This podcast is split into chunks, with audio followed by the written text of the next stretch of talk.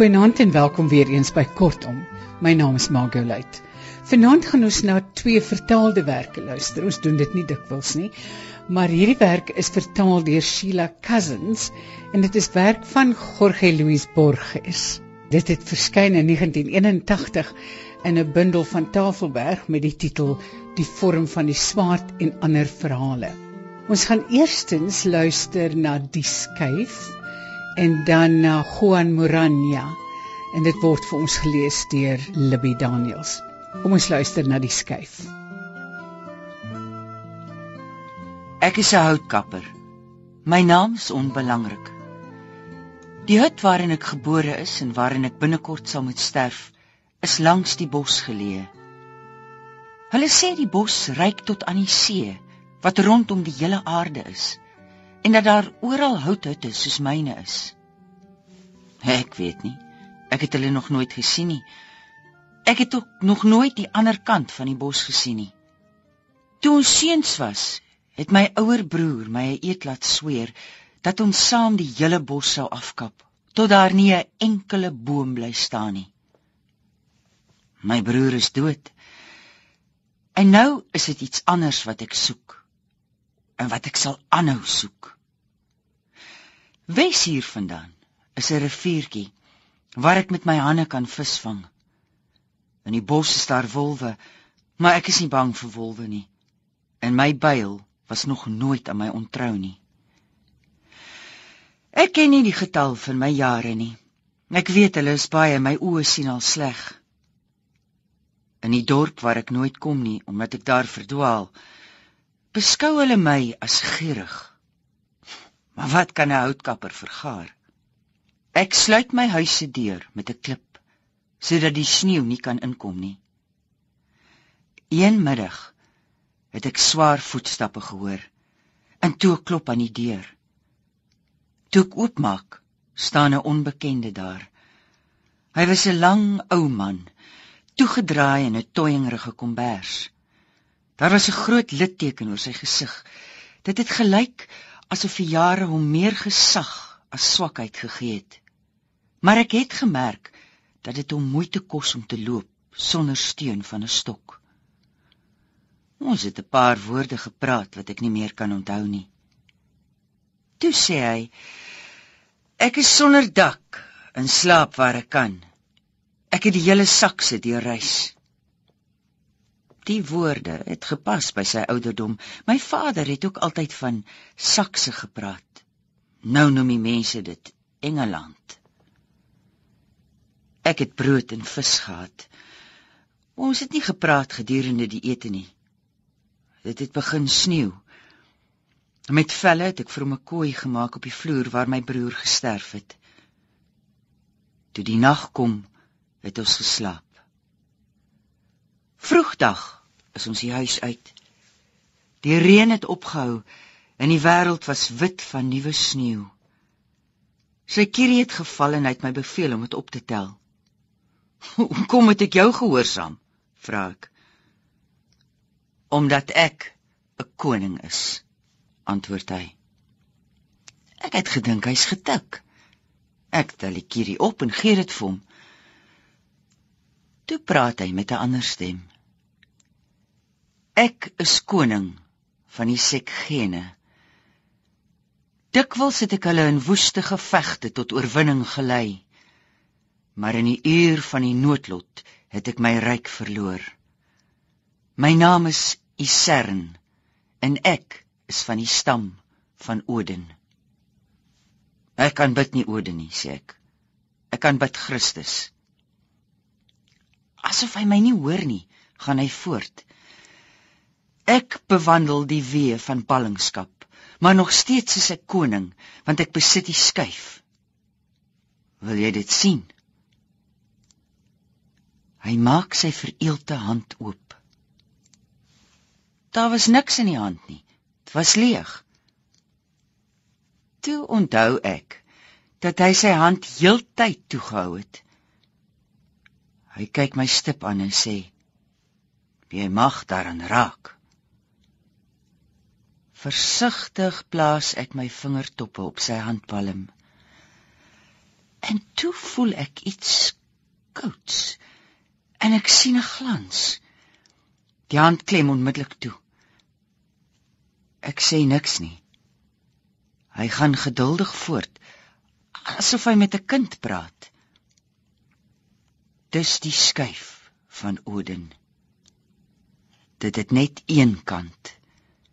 In die hele wêreld is daar geen ding wat net een kant het nie. Solank ek dit in my hand hou, sal ek koning wees. Is dit van goud? vra ek hom. Ek weet nie.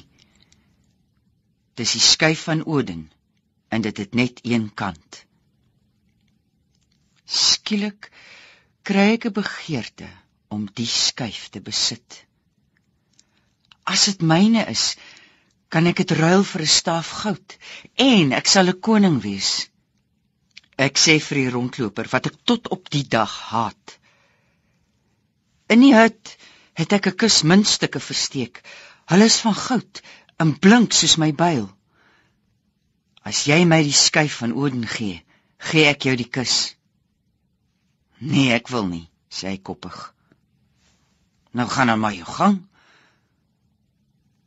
Toe draai hy om. Een hou met die byl in sy nek was genoeg.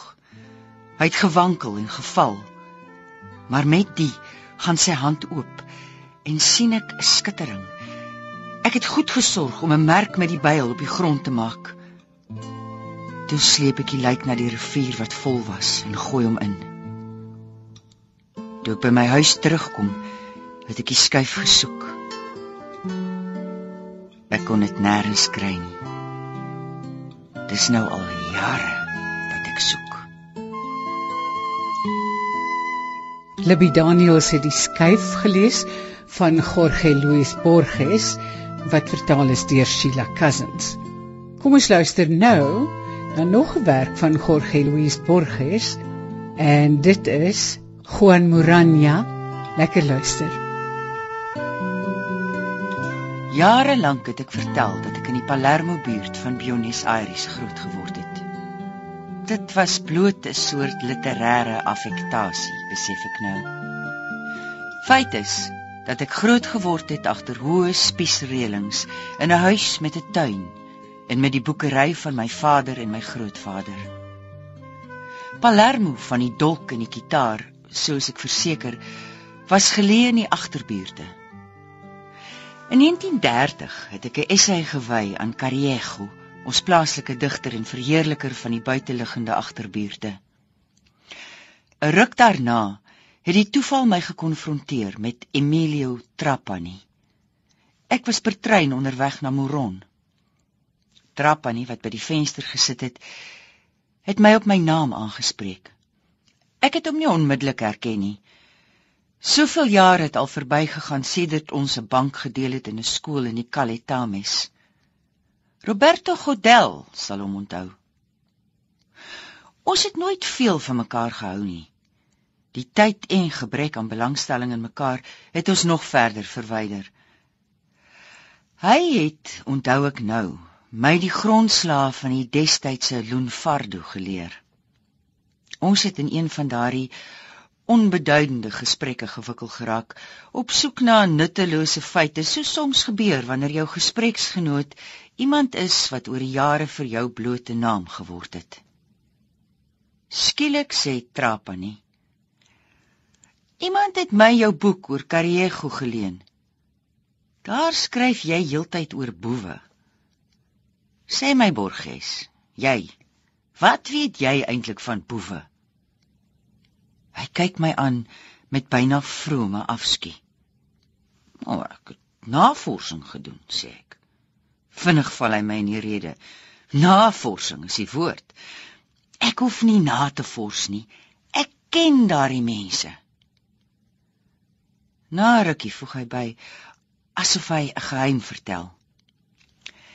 Ek is 'n susterskind van Juan Muranya van Palermo se mesvegters van om en by 1890 was Muranya die heel berugste. Trappa net voortgegaan. Florentina, my tante, was sy vrou. Die verhaal mag jou interesseer. Sekere retoriese aksente en lang sinne het my laat vermoed dat dit nie die eerste keer was dat hy dit vertel nie. Dit het my ma altyd gegrief dat haar suster haar lewe gebind het aan iemand soos Juan Moranya. Vir haar was hy 'n deugniet. Vir tante Florentina 'n man van die daad. Oor my oom se einde was daar baie stories in omloop. Byvoorbeeld hoe hy een nag toe hy aangeklam was, van sy perdekar afgeval het toe hy die hoek vat by Calle Coronel en sy skedel op die plaveistene gebreek het. Hulle het ook te vertel gehad dat die gereg op sy spoor was en dat hy na Uruguay gevlug het. My ma, wat haar swaar nie kon verdra nie, wou my nooit vertel wat werklik gebeur het nie. Ek was nog baie jonk en kan hom nie onthou nie. Tydens die eeufees het ons in die Passage Rassel gewoon in 'n groot armoedige huis.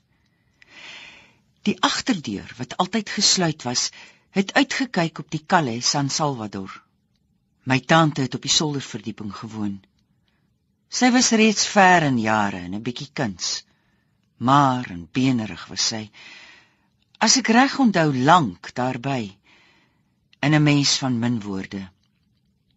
Sy was skief vir die buitelug, het nooit uitgegaan nie. Wou nie hê dat ons in haar kamer kom nie. En meer as eenmaal het ek haar betrap met sy kos steel en wegsteek. In die buurt het hulle gesê dat die dood of verdwyning van Moranya haar verstand aangetas het. Ek onthou haar altyd in swart. En sy het die gewoonte gehad om met haarself te praat. Die huis het behoort aan ene senior Lucchesi eienaar van 'n barbiersalon in Barrakas. My ma, wat 'n kleremaakster was, het dit nie te breed gehad nie.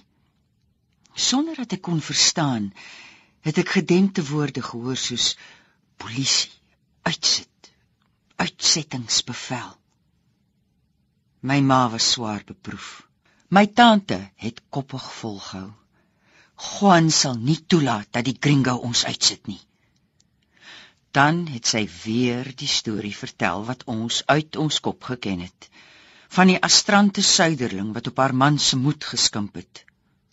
Morania het die man gesoek tot hy hom uiteindelik vasgekeer en met 'n messteek reggesien het en hom daarna in die Riachuelo gesmy het. Of dit waar is, weet ek nie. Al wat saak maak is dat dit vertel is en geglo is. Ek kon my klaar sien slaap in skuilplekke in die Calle Serrano of besig om te bedel of met 'n mandjie perskesmous.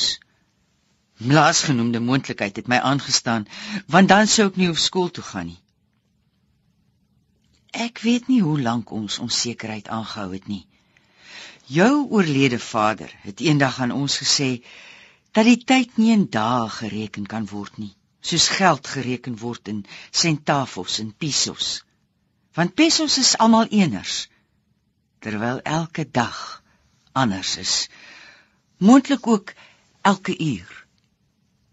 Ek het dit toe nie goed begryp nie maar is gegrif in my geheue. Eendag het ek 'n droom gehad wat in 'n nagmerrie geëindig het. Ek het van my oom Juan gedroom. Ek het hom nooit geken nie maar hom vir my voorgestel as Indiaans van voorkoms, sterk met 'n dun snor en lang hare. Ons was op pad na die suide, tussen groot gruisgroewe en bosse deur. Maar die gruisgroewe in die bosse was terselfdertyd die Caletames. In die droom was die son hoog. Om Juan was in swart geklee.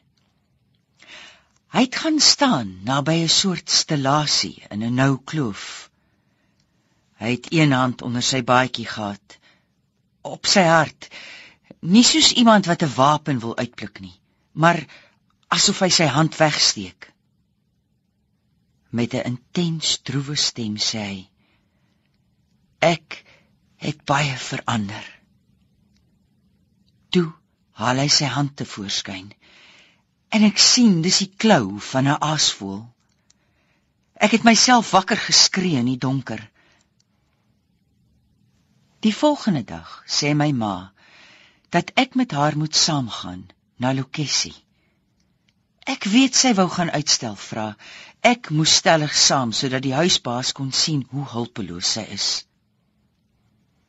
Sy het dit stilgehou vir haar suster wat nie sou toelaat dat sy haar so verneder nie. Ek was nog nooit in Barakas nie. Dit het gelyk of daar meer mense en meer verkeer is en minder oop ruimtes. Van die hoek af het ons wagte en 'n skare gesien voor die nommer wat ons gesoek het. Een van die omstanders het van groep tot groep geloop en vertel hoe hy 3 ure in die nag wakker geword het van 'n geklop aan die deur. Hy het die deur hoor oopgaan en iemand hoor binne gaan. Niemand het die deur toegemaak nie. Vroegdag het hulle Lokessie gekry half geklee en uitgestrek op die vloer in die portaal. Hy was met 'n dolk gesteek.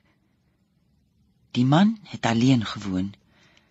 Die gereg het nooit op die spoor van die skuldige gekom nie. Niks was gesteel nie. Iemand het onthou dat die oorledene in die laaste tyd byna blind was.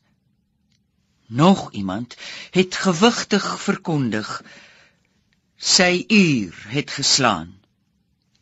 Die uitspraak het my getref.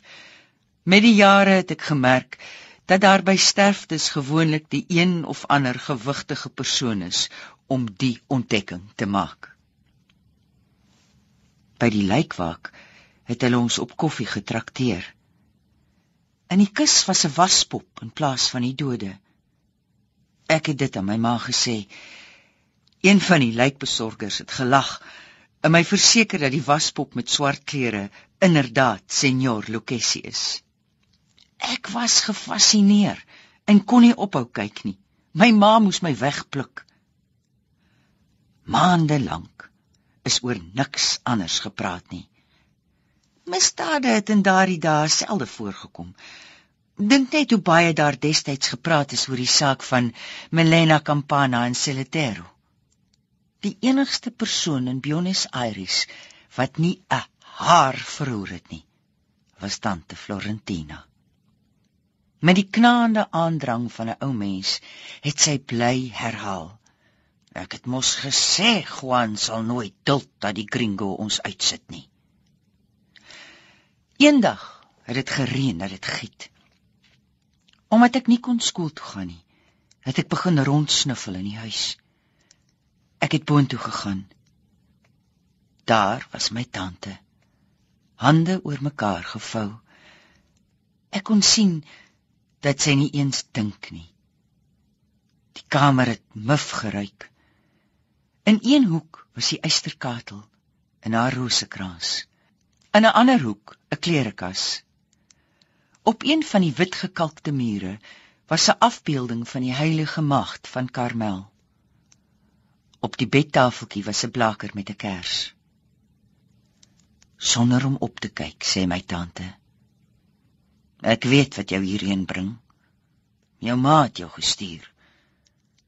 Sy wil maar nie verstaan dis Juan wat ons gered het nie." "Juan?" Kry ek dit verbaas uit. "Juan is langer as 10 jaar al dood."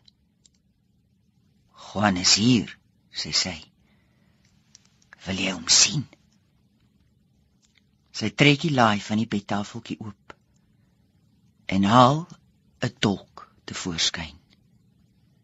Sag gaan sy voort.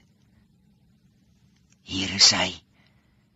Ek het geweet dat hy my nooit sou verlaat nie.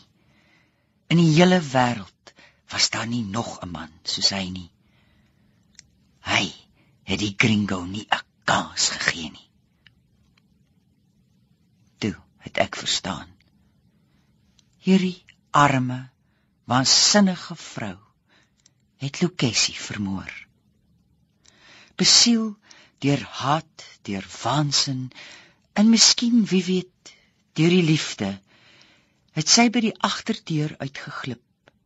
In die donker nag strate en strate afgeloop, eindelik die huis gevind en met daardie groot benerige hande die dolk ingestoot.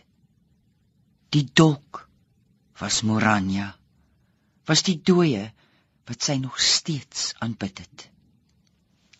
Nooit sal ek weet of sy my ma in haar vertroue geneem het nie. Sy is dood 'n rukkie voor ons uitgesit is. Tot hier die relaas van Trapani wat ek nooit weer gesien het nie.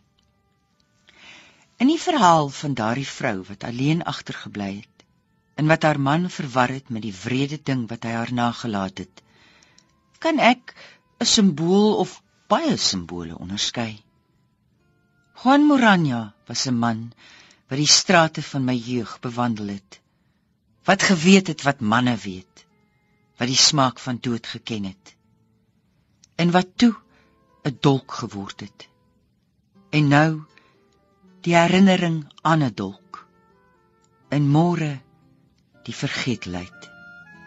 Die groot algemene vergeetlikheid.